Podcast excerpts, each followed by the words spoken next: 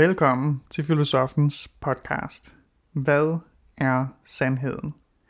I det her afsnit udlægger Anders Fogh Jensen det svar, som Søren Kierkegaard vil have give på det spørgsmål i form af fem skarpe.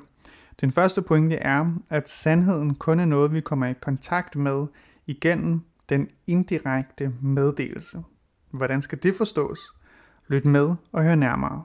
Rigtig god fornøjelse.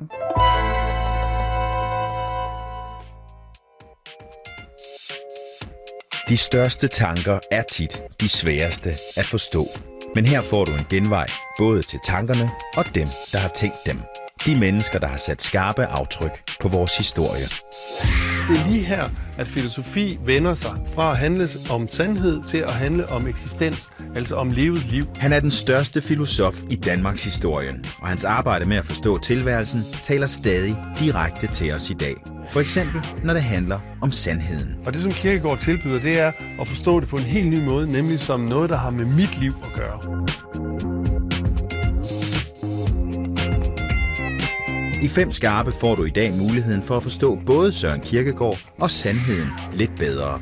Vi giver dig fem skarpe punkter på 20 minutter, der skærer ind til benet på de tanker, Kierkegaard gjorde sig om, hvad sandhed er. Den indirekte meddelelse. Filosofi handler om livet. Ikke det objektive. Sandheden er det subjektive. Og subjektiviteten er usandheden. Søren Kierkegaard blev født i København i 1813, som den yngste af en søskendeflok på syv. Faren var en velhavende købmand, så Søren Kierkegaard kunne derfor gå på universitetet, uddanne sig til teolog og senere leve af sit forfatterskab. Et forfatterskab, der har placeret ham som en af de største tænkere i verdenshistorien, og stadigvæk helt aktuel, når det handler om det liv, vi alle sammen skal forholde os til. For eksempel, når det handler om at begive os på vej efter sandhed. Nummer 1. Den indirekte meddelelse. Et af de helt store spørgsmål i hele filosofiens historie, det er, hvad er sandhed? Ja, en filosof er faktisk en, der aldrig går på kompromis med sandheden. Så derfor må vi også spørge Kierkegaard, øh, Kierkegaard, hvad er sandhed egentlig for noget? Kierkegaard holdt meget af at gå rundt i København. Han skulle have sit daglige menneskebad. Ja, for ham handlede livet faktisk om at bevæge sig. Sandheden handlede om en vej. Men det, er sandheden er en vej, vil Kierkegaard sige, at det handler ikke om objektive fakta. Livets sandhed handler ikke om en ting eller et sagforhold, men det handler om at bevæge sig, om at tage skridt, om at ture tage skridt. Og det handler også for Kierkegaard om at bevæge andre mennesker. Det spørgsmål, som Kierkegaard starter med at stille sig, det er, hvordan bevæger man et menneske hen imod sandheden? Altså, hvordan trækker man det? Hvordan skal man skubbe det? Skal man sige, gå herover eller hvad? Og øh, der kan det hjælpe at tænke på, hvordan øh, lærer man et barn noget. Hvis øh, man giver en fireårig en øh, forelæsning i differentialregning, så har man spildt sin tid. Det, det hele går fløjten. Og på samme måde vil jeg også sige, at der er nogle mennesker, for hvem sandheden ikke bare lige kan meddeles. Så det, der er vigtigt for Kierkegaard, det er at hente sin læser der, hvor læseren er. Ligesom hvis det fireårige barn leger med et femårigt barn, så sker der en lille smule, så Kierkegaard prøver at lege det femårige barn, der stiller sig lidt foran øh, læseren og prøver at lokke det med. Grundpræmissen er altså, at man kan ikke bare fortælle hvad som helst til hvem som helst og regne med, at de forstår det. Er det noget, der skal til Padborg? Jeg vil have en håbødelå. Er frisk det hele? Hold din kæft. En anden præmis, som vælter rundt på hele filosofiens syn på logik og fornuft, det er, at mennesket ikke lader sig bevæge af argumenter. Det har bredt sig i valgkampen på grund af socialistisk propaganda. Det er snarere passionen, det er snarere det, at jeg ser mig selv i noget og ser Gud. Er det mig det der? Ej, sådan vil jeg ikke være. Og så ændrer jeg mig. Og det er ikke ved, at en stiller sig op og forelæser og fortæller mig og moraliserer. Sådan skal du være. Så Kierkegaard vil på en måde ikke starte med at moralisere over mennesket. Han vil snarere starte med at vise det nogle billeder af måder at leve på. Rockeren Per har drukket tæt hele formiddagen, og har nu været hos købmanden for at hente ekstra forsyninger. Og det er meningen, at vi ved at kigge ind i de billeder, begynder at danne os billeder af os selv, og hermed også af, hvordan vi gerne vil leve vores liv. Du er sgu så dejlig sund at se på. Men, Altså. men ikke lige så sund som dig. Jeg er sundere end dig. Den indirekte meddelelse er på en måde ligesom romanen, at, at jeg ser et forvrænget billede af virkeligheden. Øh, ligesom hvis jeg læser Kafka for eksempel, så ser jeg byråkratiet i en forvrænget form.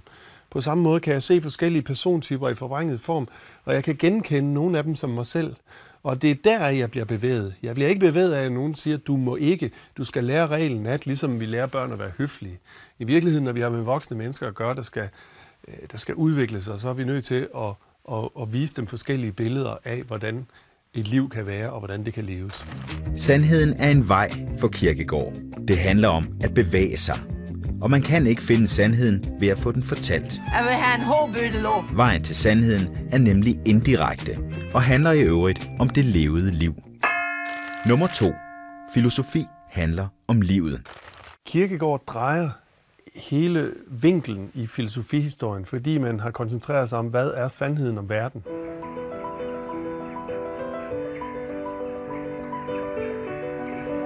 Et af de steder, hvor Kirkegaard holdt meget af at gå rundt, var her i Frederiksberg Have. Her gik han rundt og så på liv, på livsformer, på eksistenser, og tænkte selvfølgelig også over, hvad sandheden var. Og han siger, sandheden om verden handler om livet. Så filosofi må altid handle om det levede liv. Og selvfølgelig må man stille sig spørgsmålet til Kierkegaard, hvordan skal jeg leve mit liv? Og Kierkegaard svarer, du skal fokusere på, hvordan du forholder dig. Det vil sige, øh, er det sandt, at han er gift eller ej? Øh, det kan afgøres, men det er ikke det, der er afgørende for, om han er gift. Om han er gift er, hvordan forholder han sig til sin kone? Så denne, denne øh, inter, eller mellemmenneskelige, eller hvordan forholder jeg mig til mig selv, hvordan forholder jeg mig til verden, hvordan forholder jeg mig til Gud, det er det, der er i centrum. Hvad vil det sige at forholde sig? Ja, at forholde sig har noget at gøre med en levemåde. Det har ikke noget at gøre med objektive fakta, som om månen er fuld eller månen er halv, men det har at gøre med, øh, hvordan lever man det her? Så hvis konen siger til manden, det er som om vi ikke er gift, og han kommer og viser hende hvilesesattesten, og siger, se, vi er da gift, øh, så kan hun med rette sige, men du forholder dig ikke til mig, som en mand forholder sig til en kone. Flyt din store, klamme, slidte krop, og kan vi se igennem den, vel? Sandheden har at gøre for Kierkegaard med levemåder. Hvordan griber du dit liv an? Tager du dig selv alvorligt? Tager du verden alvorligt? Holder du af de andre mennesker, eller hvordan griber du det her an? Man kan ikke bare henvise til jura, når det har med levemåder og forhold at gøre. Kierkegaard vil sige, at man kommer nærmere sandheden, hvis man evner at forholde sig til det levede liv. Ja, han vil endda gå et skridt længere og sige, at det, vi skal lære hos Kierkegaard, det er at forholde os til denne forholden sig. Altså, at vi skal tænke på selve forholdet, for eksempel forholdet til min kone. Hvordan er det forhold? Og denne refleksion er det, som Kierkegaard hjælper os ud i. I virkeligheden kender vi godt det med at forholde os til forhold, nemlig hvis vi bare for eksempel spørger et barn, hvordan har du det med at spille fodbold? Hvad drømmer I om i forhold til fodbold? At blive store stjerner? Ja, ja. ja. fodboldspiller. Ja, så ved vi godt, at der er en relation mellem barnet og fodbolden. Men det vi gør, det er, at vi får barnet til at forholde sig til det at spille fodbold, altså at være i kontakt med fodbolden. Første skridt i retning af at forstå filosofi som noget, der handler om livet, det er at gå ind i og forholde sig til de forhold, man har til ting, og ikke bare til tingene. Erik, jeg vil jo bare... Dit ansigt. Jeg kan kraftedeme ikke holde det ud. Sandheden handler altså om, hvordan vi forholder os til hinanden, os selv og Gud. Og derfor kommer filosofi til at handle om livet for Kierkegaard, og ikke om noget målbart og objektivt. Nummer 3. Ikke det objektive. Vi er normalt vant til at sige, at hvis noget skal være sandt, så må vi ikke selv være blandet ind i det med vores egen mening. Og det handler ikke om, hvad jeg synes, eller hvad jeg har smag for. Nej, det er sådan, som tingene er. For eksempel, at tyngdekraften er 9,82 meter per sekund i anden. Det vil sige, at æblet falder så hurtigt. Øh, og, og det er objektivt, og det er lige meget, hvem der ser det, og hvem der synes om det. Øh, at øh, tværsummen af telefonnummer i Danmark er 4, øh, det er også noget, der kan afgøres. Det har ikke noget at gøre med, hvad nogen synes. Kirkegaard er jo ikke så dum, at han benægter det her. Han ved godt, at det er også en måde at øh, have omgang med sandheden på. Men Kirkegaard siger, at det, der gælder for alle, det er lige gyldigt, men det er netop også ligegyldigt. Altså, jeg kan for eksempel øh, læse øh, Kvinde, kend din krop. Så kan jeg læse, hvad gælder for alle kvinder, hvordan er de sat sammen osv. Men men dermed har jeg ligesom ikke øh, sagt noget om det, der betyder noget for mig. Om den kvinde, jeg holder af. Den, den forholden sig er i højere grad den ki- øh, kirkegård vil hen til, den form for sandhed, han vil hen til, end denne øh, ligegyldige sandhed, som at det gælder for, for alle kvinder, at de har to arme og to bryster. Ja, ja, og hvad så?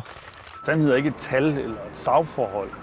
I det hele taget så mener Kierkegaard ikke, at øh, det er noget bevis på, at man er fornuftig, at man udtaler sandheder. Han har sådan et eksempel med en, der undslipper fra en galeanstalt og får bevis over for de andre, at han ikke er gal, men at han er fornuftig, så går han rundt og siger, bum, jorden er rund, bum, jorden er rund. Og netop det, at han får sagt, at jorden er rund, det er lige præcis det, der beviser over for de andre, at han er gal. Eller dengang jeg var dreng, og vi var til halvbal, og, og forældrene hentede os, så skulle man jo gøre alt, hvad man kunne for at ikke virke fuld. Men jeg vil sige, at vi er alle sammen voksne nok til lige at tage ansvar en gang imellem. Og netop derved sad man og, og sagde alle mulige fornuftige ting. Vi skal nok sørge for, at han får en taxa, og vi ringer han til hans forældre.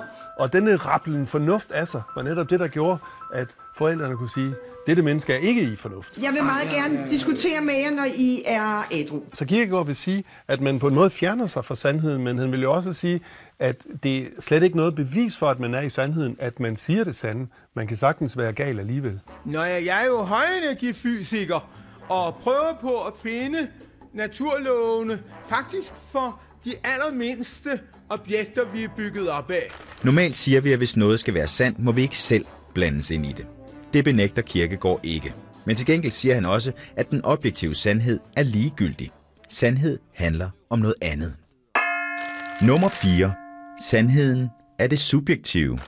Hvis nu, at øh, nogen kommer og sagde til mig, din kæreste er ikke lige så smuk, som du ser hende. Hun ser ud på en anden måde. Det kan nemt løbe ved siden af. Det, det siver nemt ud, man ved det. Så vil Kierkegaard sige, at det skal ikke afgøres ved at undersøge, er det rigtigt, hun har blå øjne, er det rigtigt, at hun har langt hår eller ej.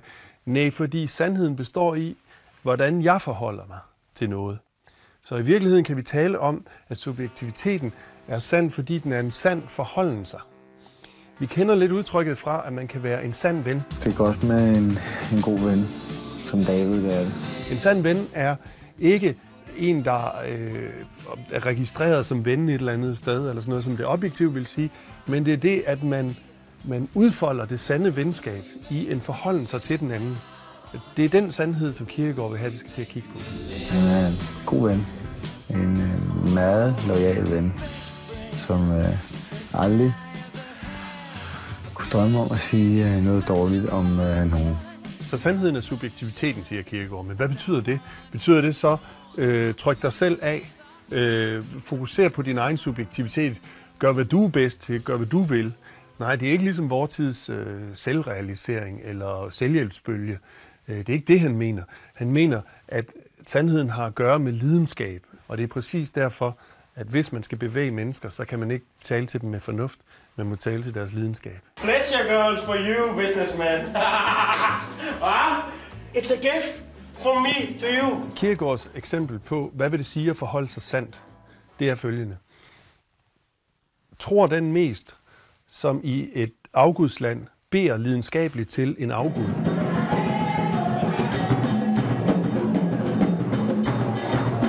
Eller den, som uden lidenskab beder i kirken til Gud. Vi tror på Gud Fader, den almægtige, himlens og jordens skaber. Ej, så hellere bede lidenskabeligt til en afgud.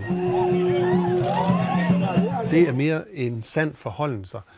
Og, og hans sammenligning er, øh, der er forskel på dem, der bærer et kors på brystet, ligesom biskopperne og går i kirke, og dem, der bærer det på ryggen. Jeg skal fortælle dig, hvad der er brug for. Der er brug for, at vi beder den hellige ånd. Så det at forholde sig lidenskabeligt øh, til livet, det er at gå ind i det. Herre, jeg beder om det i Jesu navn, at du vil sprede alle de mørke skyer over vores land. At sandheden er en forholden sig, siger Kierkegaard på den måde, at det er bedre at forholde sig lidenskabeligt til en afgud, end at kalde sig kristen ved bare at gå i kirke hele tiden. Og på samme måde med ægteskabet. Ikke? Det vigtige er måske ikke så meget, at man har en hvielsesattest, men at man forholder sig lidenskabeligt til det forhold, man nu engang har. Hvor er det altså mange år siden, vi har leget så dejligt sammen, du og jeg, Erik. Er det bare hyggeligt, Erik. Sandheden handler altså om, hvordan vi selv forholder os til noget. Det handler ikke om fornuft, men derimod om lidenskab. Men det er faktisk stadig ikke nok til at nå frem til sandheden. Nummer 5. Subjektiviteten er usandheden. Nu troede vi lige, vi var i land. Kirkegaard har lært os, at subjektiviteten er sandheden, men her vender han den om. Det er kun vejen til at forstå, at subjektiviteten i virkeligheden er usandheden. Men den vej skal bruges til at lægge afstand til nogle andre, som siger, at subjektivitet er usandhed, nemlig videnskaben, som jo siger, at man skal være objektiv. Fordi når man søger ind i sig selv i subjektiviteten, så er det gerne, at man skal finde ud af, at man ikke er sin egen herre, men at det stadigvæk består i en forholden sig, men ikke bare en forholden sig til mig selv, men til Gud. Så i virkeligheden handler det om tro. Hvad er tro? Ja, det er jo at holde fast i noget, jeg ikke ved. Så Kirkegaards definition af sandhed er, at man fastholder uvidsheden lidenskabeligt. Og det betyder, at man tror på Gud, og man tror på, at man er en del af noget større, selvom man aldrig kan vide det. Far, jeg beder om, jeg må have masser af liv at give en døende verden. Se, den tro, den kan ikke altid få sprog. Så når nogen tror, så kan de ikke altid sige det, ligesom man kan sige, øh, nu er månen fuld, eller nu er månen halv, eller tyngdekraften er det og det.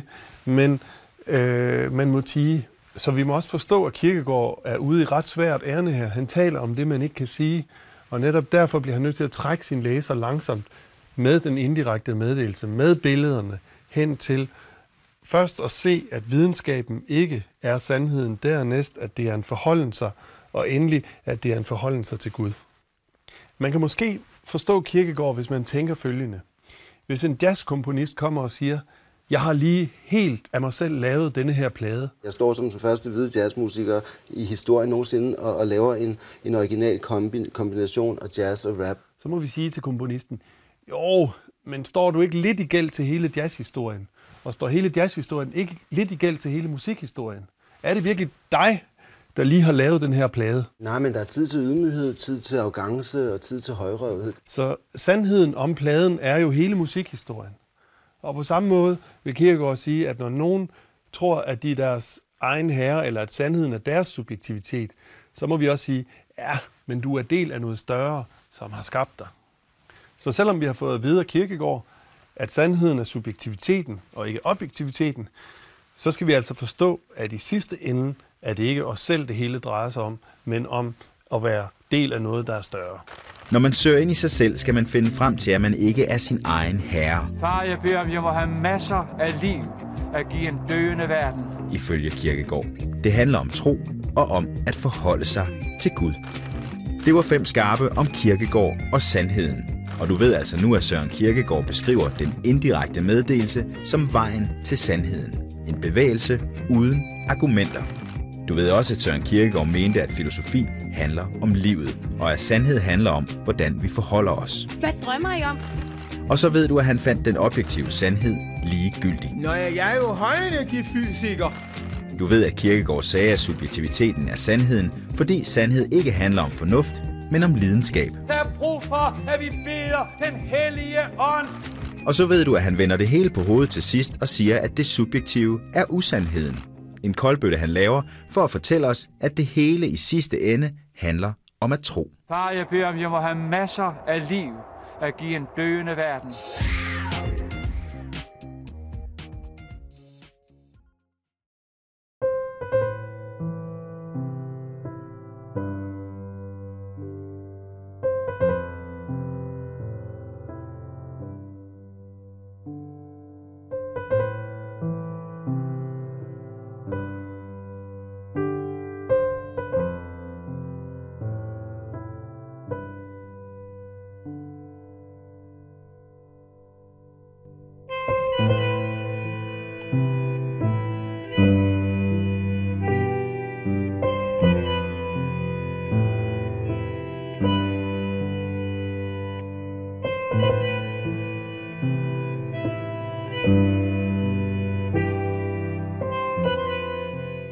Du har lyttet til Filosofens podcast. Se mere på min hjemmeside filosofen.dk og tag med mig på dannelsesrejse. Se dannelsesrejser.dk. Mit navn er Anders Fogh Jensen. Tak fordi du lyttede med.